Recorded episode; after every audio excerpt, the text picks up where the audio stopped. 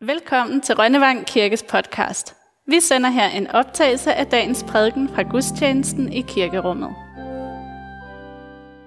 Så vendte Jesus sig til disciplene og sagde til dem alene, Salige er de øjne, som ser det, I ser. For jeg siger jer, mange profeter og konger har ønsket at se det, I ser, men fik det ikke at se. Og at høre det, I hører, og fik det ikke at høre. Der rejste en lovkyndig sig og ville sætte Jesus på prøve og spurgte ham, Mester, hvad skal jeg gøre for at arve evigt liv? Han sagde til ham, Hvad står der i loven? Hvad læser du der?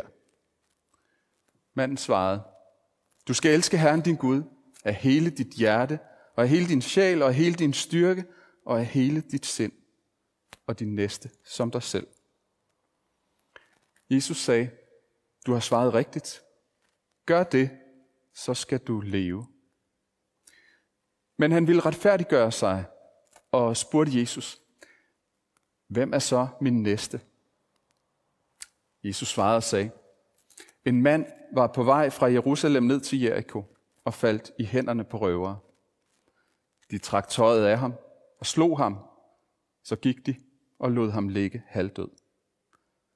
Tilfældigvis kom en præst den samme vej. Han så manden, men gik forbi. Det samme gjorde en levit, der kom til stedet.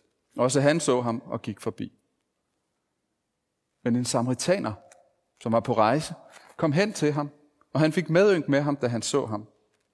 Han gik hen og hældte olie og vin i hans sår og forbandt dem, løftede ham op på sit ridedyr og bragte ham til et herberg og sørgede for ham. Næste dag tog han to denar frem, gav verden dem og sagde, sørg for ham, og hvad mere du lægger ud ved at betale dig, når jeg kommer tilbage. Hvem af disse tre synes du var en næste for ham, der faldt i røvernes hænder? Den lovkyndige svarede, ham der viste ham barmhjertighed. Og Jesus sagde, gå du hen og gør lige så. Amen.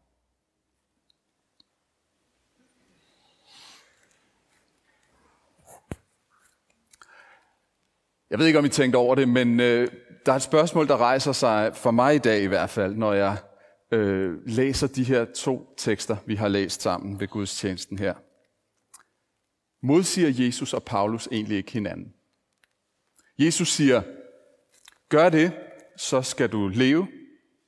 Og Paulus siger, vi ved, at mennesker ikke gøres retfærdige af lovgærninger, men kun ved tro på Jesus Kristus.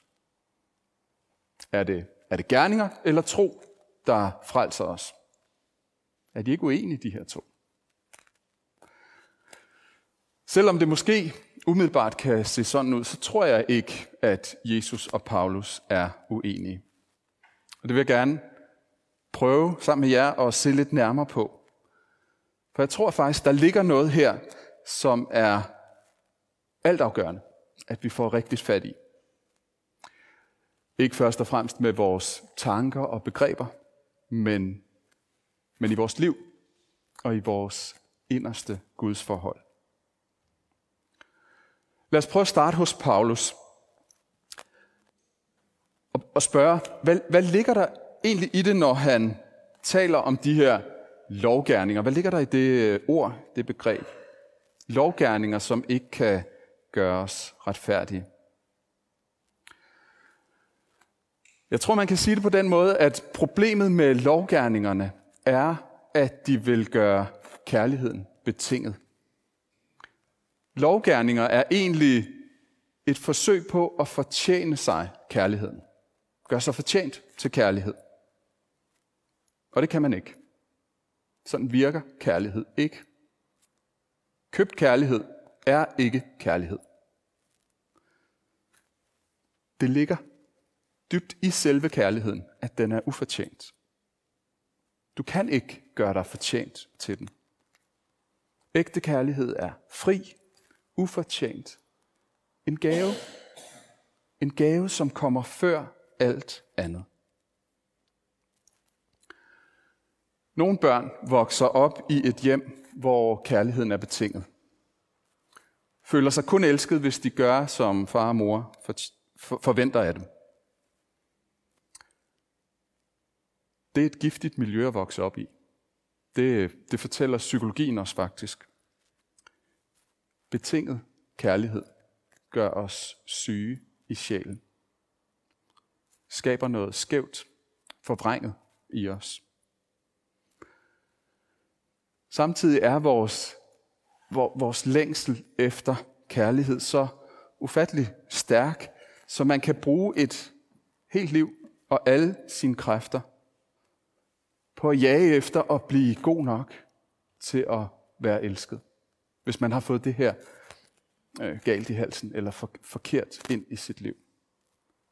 Frygtelig stræben og jagt, som aldrig bliver god nok på at gøre sig fortjent til andres kærlighed. Det vigtigste en far og en mor kan gøre, det er at elske deres barn betingelsesløst. Og vise den her betingelsesløse kærlighed igen og igen. For det er jo ikke noget, der bare er overstået en gang for alle. Kærligheds, et kærlighedsforhold er noget levende. Det skal igen og igen øh, komme til udtryk i hver ny situation i livet. Problemet er, at det kan vi ikke. Det er umuligt. Ingen forældre kan fuldt ud løse den her vigtigste opgave i livet. Eller det tro, jeg, jeg tror i hvert fald, det er sådan, det er. Så vil I ikke lige love mig en ting? Hvis I nu sidder og tænker, jeg er faktisk den her fuldkommende forældre, eller min far eller mor var helt perfekte til det her med at vise mig ubetinget kærlighed på den helt rigtige måde hele mit liv. Så sig det lige til mig, for jeg vil rigtig gerne lære, hvordan man gør.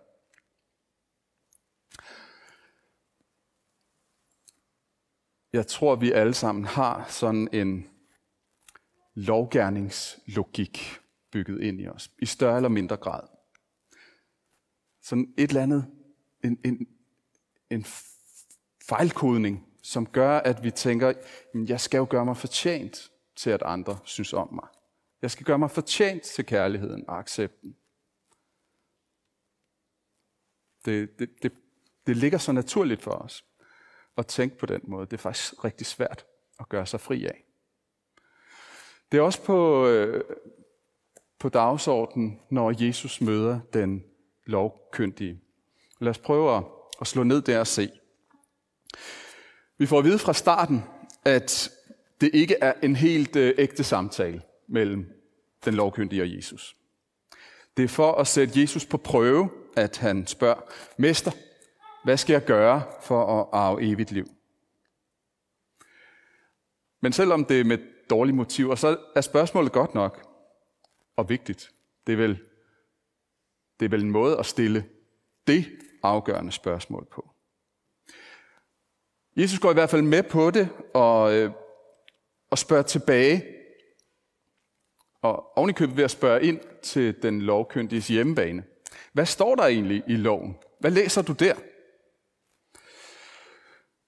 Jeg forestiller mig, at manden her kunne have svaret mange forskellige ting. Og jeg gad virkelig godt vide, hvad, hvad Jesus stod og tænkte, eller sad og tænkte, når han så hører manden sige, du skal elske Herren din Gud af hele dit hjerte, hele din sjæl, af hele din styrke og af hele dit sind og din næste som dig selv. Jeg ved det ikke, men måske har Jesus set på ham med, med lidenhed og, og tænkt, bare du dog kunne høre, hvad du selv siger her. Kom ud over det her forsøg på at, at sætte mig på prøve. For han sætter jo ord på det, der faktisk er lovens mening. Det loven sigter mod. Et, et helhjertet kærlighedsforhold til Gud og medmennesker. Og jeg tror, at Jesus med, med sit svar forsøger at, at få ham til at tage det ind, den her lovkyndige. Du har svaret rigtigt. Gør det. Så skal du leve. Men han ville retfærdiggøre sig selv og spurgte Jesus, hvem er så min næste? Måske har manden her ligesom fornemmet, at det her, det, det, det kan jeg jo ikke bare. Jeg, jeg er nødt til at have det her skåret ned til noget, jeg kan håndtere. Måske har han fornemmet, hvor, hvor radikalt det her kærlighedsbud er. Og så fortsætter han for at få det gjort håndterligt af det, man kan kalde, det som Paulus nok vil kalde lovgærningernes vej. Hvem er det lige præcis, jeg skal elske? Lad mig lige få det sådan pindet helt ud, få det gjort håndterligt, så jeg kan komme i gang og, og gøre det, og blive retfærdig. Hvem er så min næste? Jesus svarer manden med, med den her berømte historie om den barmhjertige samaritaner. Og det Jesus egentlig gør med den historie, det er, at han vender øh, mandens spørgsmål på hovedet. Det handler slet ikke om at finde ud af, hvem der er din næste. For begrænset antallet af, af mennesker, du skal, du skal vise kærlighed. Nej, det handler om at være en næste for det medmenneske, der er ved siden af dig. Kærligheden er øh, uendelig. Du kan, ikke, du kan ikke begrænse det. Det handler om at leve livet, så du er en næste for mennesker omkring dig. Så kærligheden gennemsyrer alt, hvad du er og gør, både i forhold til Gud og mennesker. Som om han siger til manden, du, du sagde det jo selv, men forstår det ikke. For hvis du havde forstået det, så havde du som det første indset, at det her, det kan jeg ikke. Det, det magter jeg ikke. Det sætter Paulus ord på for at springe tilbage til ham igen. Han siger, jeg er ved loven død for loven, for at leve for Gud. Hvis vi går til loven, Guds kærlighedslov, med en forventning om, at vi kan fortjene Guds kærlighed, så dør vi på det. Vi kommer til kort. Det holder ikke. Netop fordi lovens mål er, er den her rene, helhjertet, alt omfattende kærlighed til Gud og vores medmenneske, så magter vi det ikke. Ligesom Paulus dør vi for loven, ved loven. Der skal noget helt andet til. En helt anden slags gerninger. Jeg lever ikke mere selv, siger Paulus videre. Jeg lever ikke mere selv, men Kristus lever i mig. Og mit liv her på jorden lever jeg i troen på Guds søn, der elskede mig og gav sig selv hen for mig. For kærligheden, den skal elskes frem. Man kan ikke, øh, man kan ikke fortjene den, man kan ikke tvinge den frem. Kærlighed kan kun elskes frem. Og i Kristus har Paulus fundet den kærlighed, som er alt det, vi går og drømmer om og længes efter. Den har han fundet der. Hos Guds søn, som elskede mig og gav sig selv hen for mig. Og den kærlighed lever i ham på en måde, så han ikke selv længere lever, men Kristus lever i mig, som han siger. Hans lovgærninger er blevet forvandlet til livgærninger.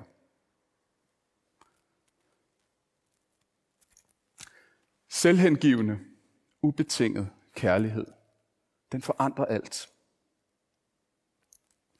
I den første bog i Harry Potter-serien, der forsøger den onde Lord Voldemort på et tidspunkt at, øh, at slå Harry Potter ihjel. Men i det, den her, det er, det er en skurk, han har besat Voldemort. I det, han forsøger at, at lægge hånd på Harry, så bliver han ramt af en frygtelig smerte, som gør, at han ikke kan, øh, kan røre ham eller gøre noget ved ham.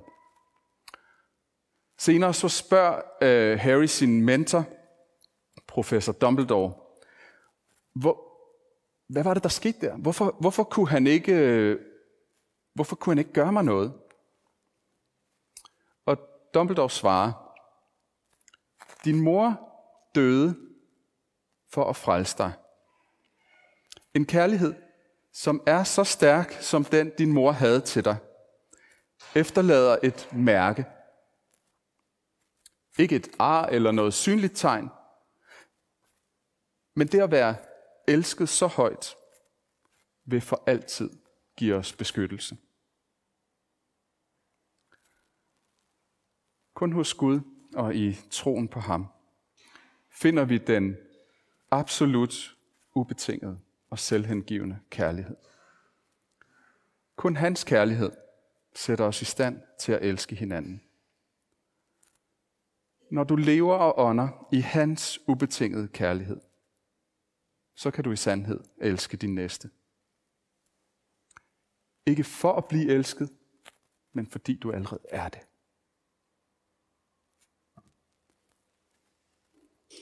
Guds hjerte banker varmt for dig og mig. Og hans bankende hjerte sætter os i stand til at gøre livgærninger i stedet for lovgærninger. Amen. Tak fordi du lyttede med på Rønnevang Kirkes podcast. På genhør næste gang.